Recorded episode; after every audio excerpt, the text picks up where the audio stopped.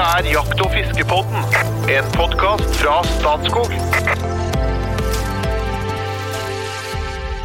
Jeg kan ta med meg hagla og kjenne på spenninga samtidig som jeg nyter naturen. Plutselig så letter et kull. Og siden jeg ikke har trent altfor mye på skjøting, så er sjansen ganske stor for at det blir et høl i løslufta. Men en sjelden gang så deiser det ei rype i bakken. Og da står jeg der med en fjærkledd skapning som sikkert kan bli til god mat. Men hvordan i all verden kommer man dit? Fagsjef i Statskog, Jo Inge Breisberget. Hva i all verden skal jeg gjøre med den rypa jeg nå står med i hendene? Nei, her skal du hjem med den. Nei, men det er jo I utgangspunktet så er den da et uh, veldig bra Altså den er et veldig bra utgangspunkt for uh, god mat. Og du står med den der i neva, han er varm. Og en av greia da er at du ikke skal kjøle ned for kjapt, og du ikke bare putter den i en liksom Den sjefstabba er å bare putte den i plastpose og legge den i sekken. Men den skal henge luftig og avkjøle seg. Sagt. Ok, så det er derfor det henger rundt på eh, jegerne, liksom? helt riktig. Er Ja. som en, det vi kaller en viltgalge, altså en eh, anretning til den hengende eller at du har et viltnett på sekken din, som er luftig, altså type, nesten som en vignetting, da, som Mhm. henger bak på sekken din, og så legger den oppi den. Og jeg prutter som regel eh, prutter huet under eh, vingen, og så tørker bort synlig blod, og så lar den ligge i det viltnettet. Ligger luftig mm. og kjøler seg ned sakte ned. Mange tar bilder og syns at det er helt topp, og så putter en plastpose rett ned i sekken. En varm fugl, det, det er ikke utgangspunktet. Hva, hva skjer da? Nei, Hvorfor er det dumt? Nei, du får ikke noe nedkjøling på viltet.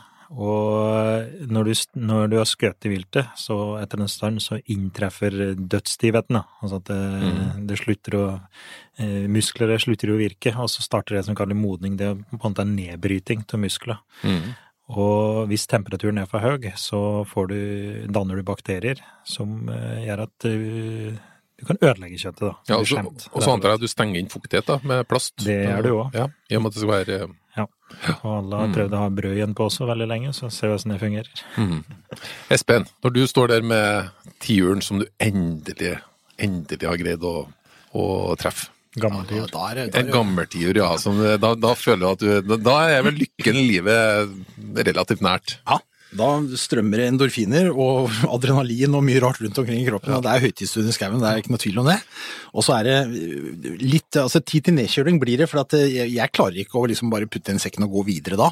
Nei, det, det øyeblikket skal på en måte nytes, så da er det plystre inn kamerater og, og ja, I gamle dager hadde vi satt oss ned og tok, tatt en røyk, nå har jeg slutta med det, da, men, men det er liksom, altså, da skal liksom ting ned, da. Og det er veldig stas. Men så putter jeg en øh, jeg, jeg, putter, altså, jeg må innrømme at jeg har jo ikke noe Altså, du tar ikke en tiur, er ikke så lett å ha hengende i en galge sånn som en rype, ikke sant? for den er for tung, rett og slett, så går det dingler. Så det er jo den- fire-fem-seks kilo, det. Ja, nå snakker vi med en trønderøre! La oss si hvis bikker den fire, så er vi blide. Ja da. Nei da, det, det men, men det er jo allikevel litt, da. Sånn at uh, jeg blir å putte den i sekken, men, jeg- men jeg er faktisk oppmerksom på det som uh, Jo Inge sier, så den der stunden eh, hvor han liksom får roa seg litt ned først, da går en halvtime der ute, så hjelper det, og så, og så har jeg en sekk som er, er en sånn jaktsekk, da, så det er, det er litt lufting i, i sekken også, eh, og, og sånn. Og så straks jeg kommer ut av skauen, eh, ned på koia, så, så henger jeg denne fuglen eh, i galget eh, på veggen. Da henger den ute. Eh, og ja, jeg drar jo årlig til Sverige og er der en uke på skogsfugljakt. Eh, og da blir det jo hengende ute, og så kler vi den inn da før vi drar ut på jakt dagen etter i en, i en sånn viltsekk, som, så du skal holde fluer og, og sånn unna. Eh, Litt avhengig av temperaturen dette, men jeg pleier å gjøre det for sikkerhets skyld allikevel. Og da henger den ute ei uke. Fortsatt nå så har du ikke gjort noen ting. Har ikke gjort Du har ikke ikke ting. tatt ut innmaten? Nei, det gjør du ikke på skogsfugl og rype. Aha. Nei. Men vi henger dem etter hersen. Ja. Men du, bare et lite kontrollspørsmål før vi liksom begynner å gjøre noe mer med den. Mm. Er det mulig liksom å spise den mens du er på tur? Ja. Eller må den henge Nei, så og så lenge, osv., og så videre og så videre? Nei. Vi har jo pratet om det i tidligere episoder, her med mørning og modning og henging. Men eh, fugleviltet er i utgangspunktet ganske mørkt. Og det er fullt mulig å ta ut eh, fileten, og, altså brøstfileten, Mm. og steike den eh, på bålet da det er ferskt. Det kan anbefales. Absolutt, men det er, det er en eh, Akkurat når får en gammel tiur, da, Så, som er litt sånn ekstra stas, ikke sant. Så da er liksom mentalsperre da, på at du skal liksom spise den opp, og så blir den borte der og da. For at den denne, skjønner. vil du ha med hjem, ikke sant? Ja, Ja. ja. Men, men og det er liksom så mye òg, og så bare ta ut de brystfiletene av det, liksom. Så føler Ja. du at det, det, det er litt voldtekt, liksom. Det er, Ja, ja, nei, det- det er. Ja, og det går nesten ikke, for det, det blir jo, da kaster du jo mye fugl. Ja, det gjør det. Og det er, nå prater vi liksom intens glede. Ja, ja, ja, er jeg som, skjønner, jeg skjønner. som min gamle professor sa, det skal høres at du skutter en gammel sånn. Ja. Men Men enda, enda mer spesifikt. Hvis du, skal, du har skutt ei rype, og så ønsker du å ta det, spise den over bålet. Hva gjør du? Hvordan tar du ut brystfiletene? Går det an å beskrive det med stemmen på en podkast? Ja, det, det er jo ikke vanskelig. Nei da, nei da. Eh, Jeg bretter jo bare skinnet, jeg er da. Du kan ribben, men jeg bretter da bare skinnet hvis du skal gjøre det kjapt på mm. bollet. Så felger kammen midt på brøstet, Mm. og så bretter jeg bare skinnet på sida. Så fører jeg kniven ned langs kammen, og ned langs eh, det som vi ville kalle kragebeinet. Og så leiper bare tå, den, altså spiker bare tå, hjelper deg litt med fingeren, den brøstfileten, forholdsvis enkelt, og kapper den i vingeleddet. Det er som å filetere en fisk. Du tar Veldig enkelt. ut en slags filet, liksom. Ja, ja. Og, da, og det ligger jo beinet på brøstbeinet ligger på undersida, så du kan liksom ikke skjære for langt eller noen ting. Men, Du ok, blottlegger muskelen. det, og det er sannsynligvis en vakker naturopplevelse. Det å være på jakt, skjøte eh, en fugl, og det å faktisk spise av det du har høsta av naturen, i naturen. Det er meningen med livet. Ja, jeg vil tro det. Det er veldig nært. For noen. Nå er jeg såpass sjelden at jeg greier å treffe noe, sånn at eh, jeg må, Men jeg kan jo eventuelt være med dere på tur, da. Sånn er, at du, eh, er, du er en slank mann også, jeg. Det henger vel sammen. Ja. Men la oss si at du ikke spiser opp alt sammen. Du tar det med deg hjem. Hvilke, hvilke muligheter har du altså, Og da er det noen som kommer tilbake til byleiligheta si. Altså, hva i all verden gjør man med det fjærkreet som man eh, har med seg? Jeg veit hva jeg gjør, men her har jeg egentlig lyst til å spørre Jo Inge litt. Liksom, hva, er, hva er på en måte Hva er den riktige måten? Altså, for jeg veit jo at folk pakker jo inn dyra i plast, fugla i plast, tar rypene og pakker dem inn i plast, eller avispapir, og putter i fryseren. Men jeg legger det bare helt i fryseren. jeg. Den er jo pakka inn fra naturens side, er den ikke det? Ja, eh, men, men kanskje først eh, Du sa at du var i Sverige da, på jakt, og jeg jakter i Sverige. Og tidlig jakt er så lett for varmt, så det, det er noe med å holde orden på temperaturen, for det kan gå, kan gå litt for fort. Altså det er varmt. Eh, Det er jo ikke helt gunstig, da. Er bare, Altså modninga, den eh, det kan gå litt for kjapt, da. Unnskyld at jeg spør. Er modning og, en oppstart av forråtning, er det det samme? Ja, altså mørningsprosessen er Ja. at du nedbryter muskler, og modninga det er da utvikler du litt mer smak, da. ikke sant? Ja. Så det, det er en, det er en nedbrytelsesprosess, Ja. dette glykogen i muskler. Ja. Ja. Eh, så vi henger da, som vi sagt, bare starter vi henger den luftig, henger den i hersen, så du ikke får tarm og, og mageinnhold i de til å Hvis, hvis du har skutt i hæl i magen, så kan de Høl i magen? Ja Mm, unnskyld. kan de magesaftene treffe de kjøttfulle deler. Derfor henger den etter, etter hersen. Ok. Så får du de ned. Eh, og den henger luftig og med fluenetting, som, eh, eller fluenett, som Mm. eh, Espen sa. Og så hem, da. Og da, det jeg gjør, jeg, jeg pakker den enten i avispapir eller plast, det er litt ettersom, men stort sett så legger jeg huet under vengen, og så tetter jeg på sånn så mye jeg klarer, og så ligger den med fjøra på, og med innmaten i, i fryseren. Har den da vært til Har den da hengt så og så lenge i så og så mange grader først? Ja. Har, du, har du en standard på det, liksom? Eh, jeg har det, da. Men eh, det, Hvilken Altså- standard har du? Nei, det er jo litt med temperaturen, da. For det er vanskelig hvis jeg er borte ei uke og det er varmt ute. Så, så er det en utfordring som henger skyggefullt og kaldt og luftig. Men eh, når jeg kommer hjem, så veit jeg mange dager den jeg henger, så har jeg kjølemuligheter. Og da henger den tilsvarende i kjølemuligheter når jeg kommer hjem igjen. Altså et kjølerom. Og det er slik det, det kan henge ganske lenge, så lenge det ikke er er veldig sunn skutt i, eller at du er veldig varmt når det starter. Så er det ikke noe fare å ta over de 40 døgngrader som er anbefalt. da. Mm. Men hvis du kommer tilbake til byleiligheta di på Grünerløkka, da har du ikke kjølerom. Hva gjør du da? Nei, nå vet du ikke hvor lenge du har hatt den hengen før du kommer dit, da, men ellers så Nei, hvis- den har behov for å Ja. modnes litt mer, da. Eh, Hvis du har plass i kjøleskap, så kan det være et alternativ. Mm. Men det blir litt tett i kjøleskap. Men eh, det kan være et alternativ, da, for å unngå for varmt. Så er det jo òg byleiligheter som har eh, loftsboder, Ja. som kan være luftig. Det kan jo være greit, men det er temperaturen som er viktig, at det ikke er for varmt. Men nå, nå skal jeg stille et spørsmål til Jo Inge som jeg har lurt på, skjønner du, som jeg Ja. ikke veit, faktisk. Og det er jeg har, La oss si jeg er i den situasjonen som du sier. Jeg skjøt ei skjøt ei orrhøne for to dager siden. Eh, og den har ikke hengt 40 døgngrader ennå, men av ulike grunner så må jeg ta den med hjem og putte den i fryseren. Det kan jeg gjøre, ikke sant? og det er ikke noe katastrofe i det. Eh, Men så tar jeg den opp igjen. Kan jeg fortsette mørninga på kjøkkenbenken før jeg tilbereder den? Meget godt spørsmål, Espen. Nei, det- det vil påstå at det ikke hjelper. Er Da du først har fryst det, så stopper du den nedbrytingsprosessen. Så okay. Det, det vil ikke hjelpe noe for mørningen, visstnok. Men, men jeg veit hvis jeg kjøper en biff eh, hos slakteren, eh, og tar den med, så lar jeg den ligge på kjøkkenbenken et døgn, for da smaker den bedre. Ja. Og det er jo en del eh, altså det er jo en del av den nedbrytelsesprosessen. Den vil jo fortsatt gå, da. Det er bare å la den ligge så lenge den ligger der. i luft. Så, men eh, den mørningsprosessen som vi gjør når vi henger, det, henger viltet, den vil, den vil du stoppe med nedfrysing. Da. Så det vil ikke hjelpe noe. Men du vil få fram litt mer smak, smak. da. Det vil du. Ok, da har vi skutt rype, eller Skogsfugl. en skogsfugl. Ja. Men Ja. så skyter jeg en uh, gås. Hva gjør jeg da, Jo Ing? De er jo grasetere, da. Eh, Så jeg, når jeg skal til gås og kommer hjem igjen, eh, ganske veldig kjapt etter jakta, så tar jeg ut eh, altså innmaten da, til den.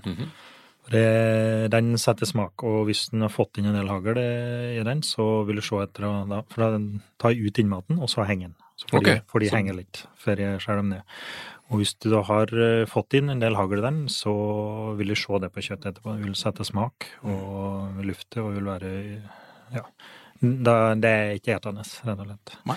Så jeg, den tar jeg ut innmaten på, da. Ja. Og eventuelt om jeg sparer krås eller noe, men ellers er det gås og and. Ja. Og skarv. Ja, det, Hvis du har vært på kysten og skutt en skarv. Ja, det er sånn trane... Det, det er potensielt uh, trane... Transmak, ja. transmak. Ja, det er jo en fiskespiser. Ja. Og da er det jo Nå er det veldig lite skarv, da. Den begynner å komme oppover i Glomma, faktisk, og Mjøsa og Innlandet. Men, eh, men da, da er det om å gjøre noe Da er det fettet som setter smaken, da. Så det er som er om å gjøre noe kjapt å få bort fettet på de, da. Eh, og det, det klarer du. Altså, vi som er så Vi som er så gamle at vi har vokst opp med en sånn skje med tran som gikk rundt i skoleklassen på skolen. Vi, vi skyr jo dette som pesten. Jeg, jeg virkelig er helallergisk på dette her sånn. Men, men skarvebryst, liksom når du har skutt en skarv, det, det er altså noe av det beste fuglekjøttet jeg har spist. Ja. Men da må du være nøye på å få bort fettet, altså. Alt fettet skal bort umiddelbart. Hvis du reiser rundt, rundt verden, så er jo de fleste urbefolkninger sliter jo med Eller jegere og sankefolk sliter med å få i seg nok fett. Og det er jo fettet som er det store. Men vi som stort sett får i oss snukkfett, så er det ikke det på skarv, altså. Nei. Det kan du du klare deg uten. vi skal inn på litt eh, delikatesser etter hvert nå, men eh, jeg syns det var litt interessant, for nå kommer vi inn på gås og and. Mens det de fleste snakker om, det er rype og skogsfugl. Hvordan er eh, gås og and jaktmessig og smaksmessig? Altså Står det noe tilbake for eh, rype og skogsfugl? Da må vi skille litt på jaktmessig og smaksmessig, tror jeg. Ja. Altså smaksmessig, bare for å ta den enden først, da begynner vi jo egentlig i gæren ende, men, men smaksmessig så, så, så vil ikke jeg si at eh, altså, eh, eh, god and er minst like godt som en god rype. Liksom. Altså, det, det blir jo litt sånn smakspreferanser, da, men det er, det er jo fantastisk, en fantastisk matressurs. Både an og, og gås også, hvis det blir behandla ordentlig. Altså, dette er veldig godt. Men jaktmessig, og det er kanskje mer interessant, for at i Norge så er det rypejakta som er folkejakta. ikke sant? Ja, det er ja. den som trekker folk opp i hullet. Eh, og så er det jo, eh, skyter vi en god del ender, vi skyter en del gås, vi skyter veldig mye ringduer. Altså det finnes en del andre arter som vi også jakter på, som liksom ikke blir verdsatt like høyt, og det tror jeg, altså som jakt, altså selve jakta da. Og det er nok knytta litt til altså Fins det noe flottere enn liksom 10. september i fjellet i fine farger, og det er mye himmel og lite jord, og, og du blir et lite menneske og Det er, altså, det er, det er, det er, liksom mye sånn da, rundt rypejakta, selvfølgelig, som gjør at dette er helt fantastisk. Jeg liker jo å gå inn i svarteste granskauen og, og lete etter svarte fugler, og syns det er flott. Eh, noen syns jo, hvis du spør en rogalending, syns helt sikkert at det er fint å sette ned ved Orrevannet og vente på kveldstrekket etter ender. Så dette blir jo helt subjektivt, selvfølgelig. Det er det. Alt, alt har sin sjarm. Men eh, jeg jakter veldig mye duer. Ringduer. da. Og det, for meg er det minst like spennende og minst like stor opplevelse som, eh, som rypejakt. Selv om du da sitter på en åkerstubb og i en åkerkant og nærme vei og her det måtte være. Men det, og, og maten står jo ikke noe Ringduer står der ikke noe tilbake for eh, ryper, hvis du lager det riktig. Det er den absolutte favoritten hjemme hos meg. Marias jakttips. Mange av oss jegere surrer mye rundt alene. Vi får nesten, uten at vi vet det, vaner og uvaner som det er vanskelig å bryte ut av. Vi går vår vanlige rute, ser etter vilt der vi har sett de før. Dagens tips er derfor å ta med deg noen nye på jakt. En nabo, en nytilflytta, ungen eller nevøen din. For min erfaring er at jeg sjøl ser nye ting når jeg har med meg et ekstra sett nye øyne med. På dette viset har jeg brutt ut av mitt indre kart og sett at det likevel var rype bak den toppen hvor jeg aldri bruker å gå. Og når nybegynneren bråker litt mer enn jeg bruker, så har det faktisk bare vært bra, for de har kanskje skremt ut ei rype eller orrhøne som ellers ville ha trykt. En annen ting er at du blir litt mer påpasselig, for du vil jo ikke lære bort noe feil, for eksempel med våpenet. Og den aller største bonusen er om noen du har med deg på opplæring faktisk skyter sitt første vilt rett foran deg. Det er helt vilt. Skitt opplæringsjakt. Da har vi vært ute på jakt. Vi har eh, fått med oss eh, fuglen hjem, lagt den i eh, fryseren, og så tar vi den opp og skal begynne å tilberede mat. Fortsatt så er det nå et, en fjærkledd skapning som jeg er litt usikker på hvordan jeg skal angripe. Hva er, hva er triksene? Hva gjør dere? Jeg bare begynner med å si at det, det er ikke helt sånn heller. For at når jeg er på duejakt og kommer hjem med 20 duer, liksom, da gjør jeg opp de duene med en gang, faktisk. Og tar ut brystene. Og så, okay. og så kan jeg fryse bare brystene. Da vakuumpakker jeg dem, eh, så at jeg kan ha bare brystene lett å ta opp mm. til en eller annen fastfood-middag.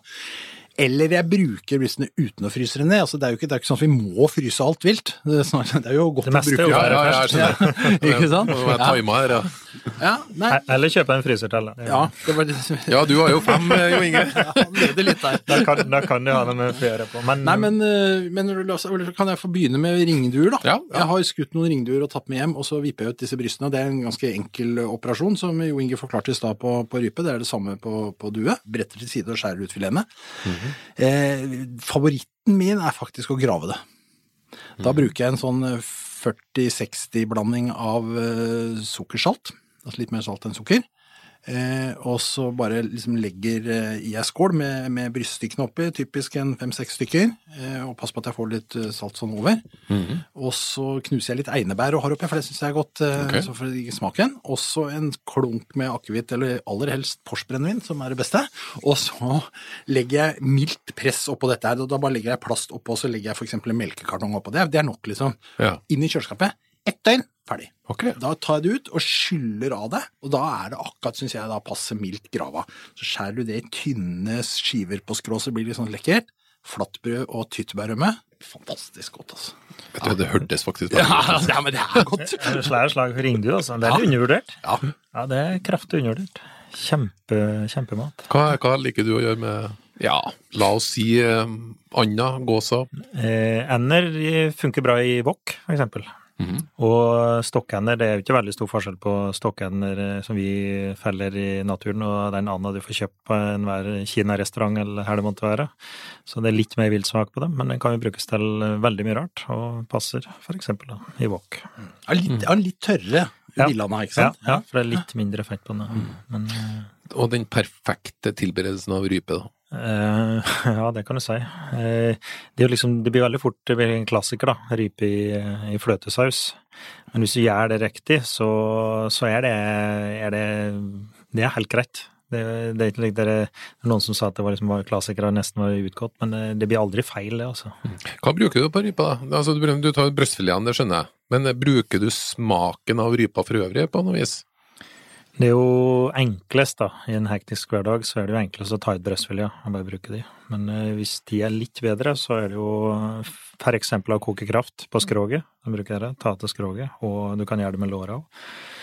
Da, da får du med den smaken, da.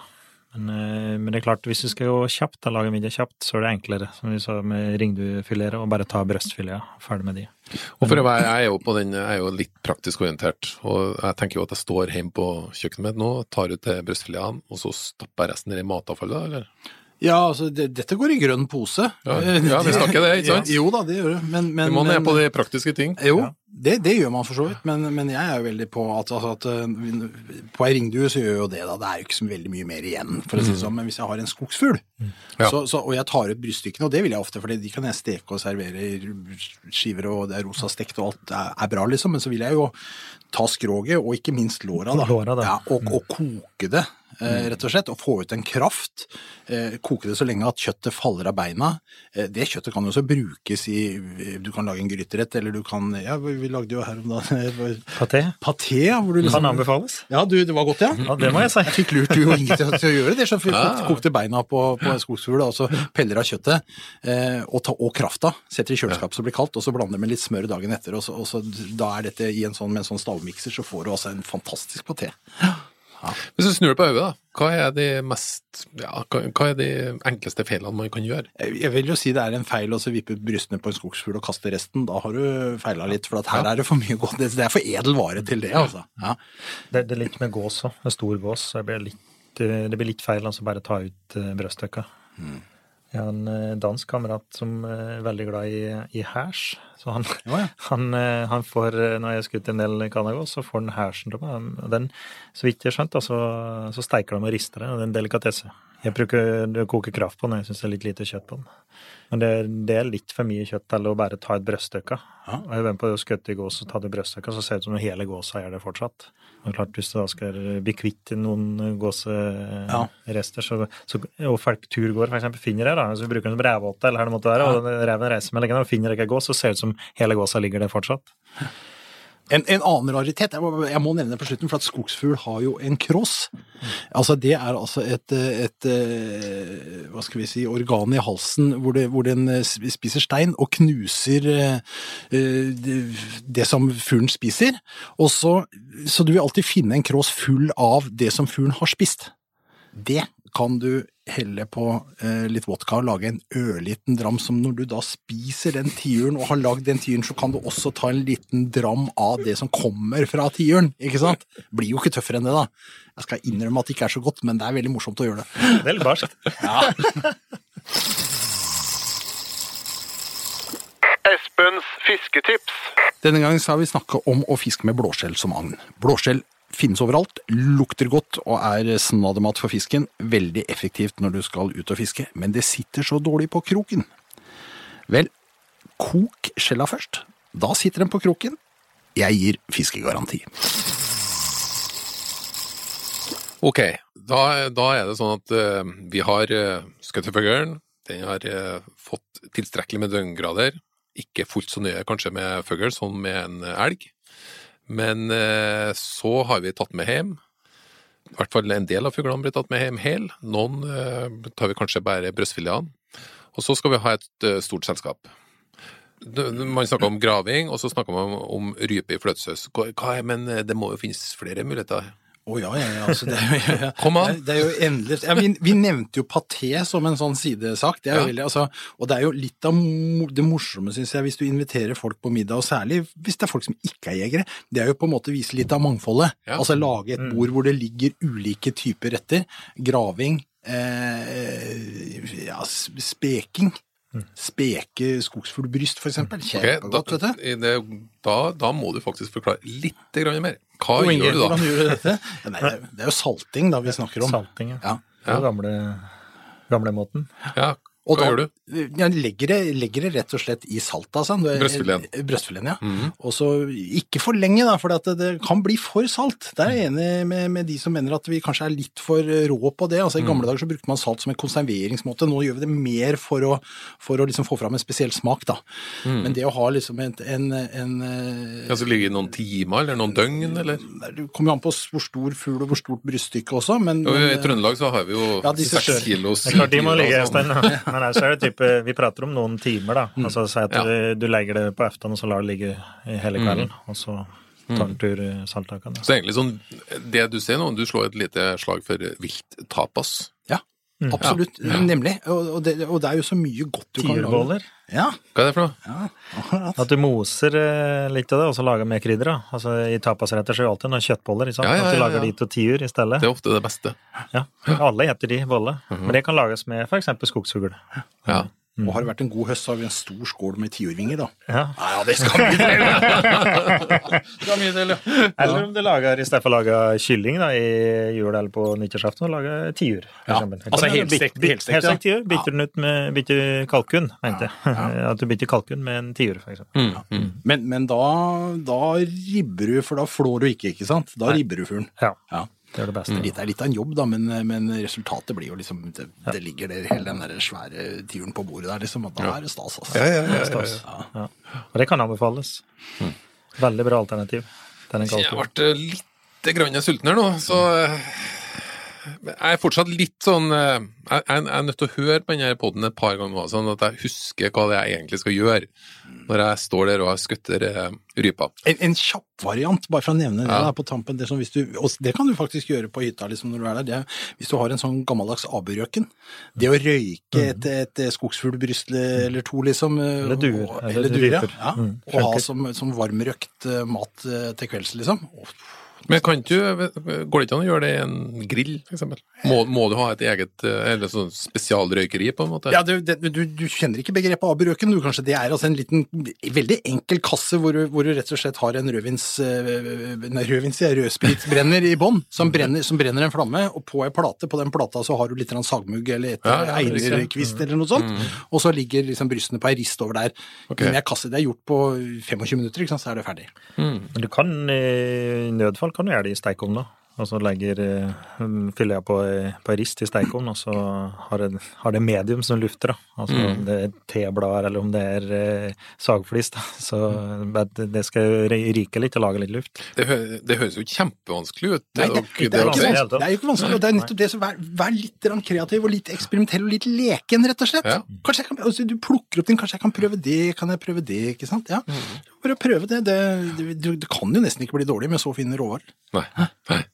Nei, supert. Det var en eh, perfekt gjennomgang. Jeg føler, meg rett og slett litt tryggere. Og så føler jeg meg inspirert til å prøve noe nytt. Ja, bra. For. Takk til Espen Farstad, takk til Jo Inge Bresjeberget, og velkommen tilbake til Jakt- og fiskepodden.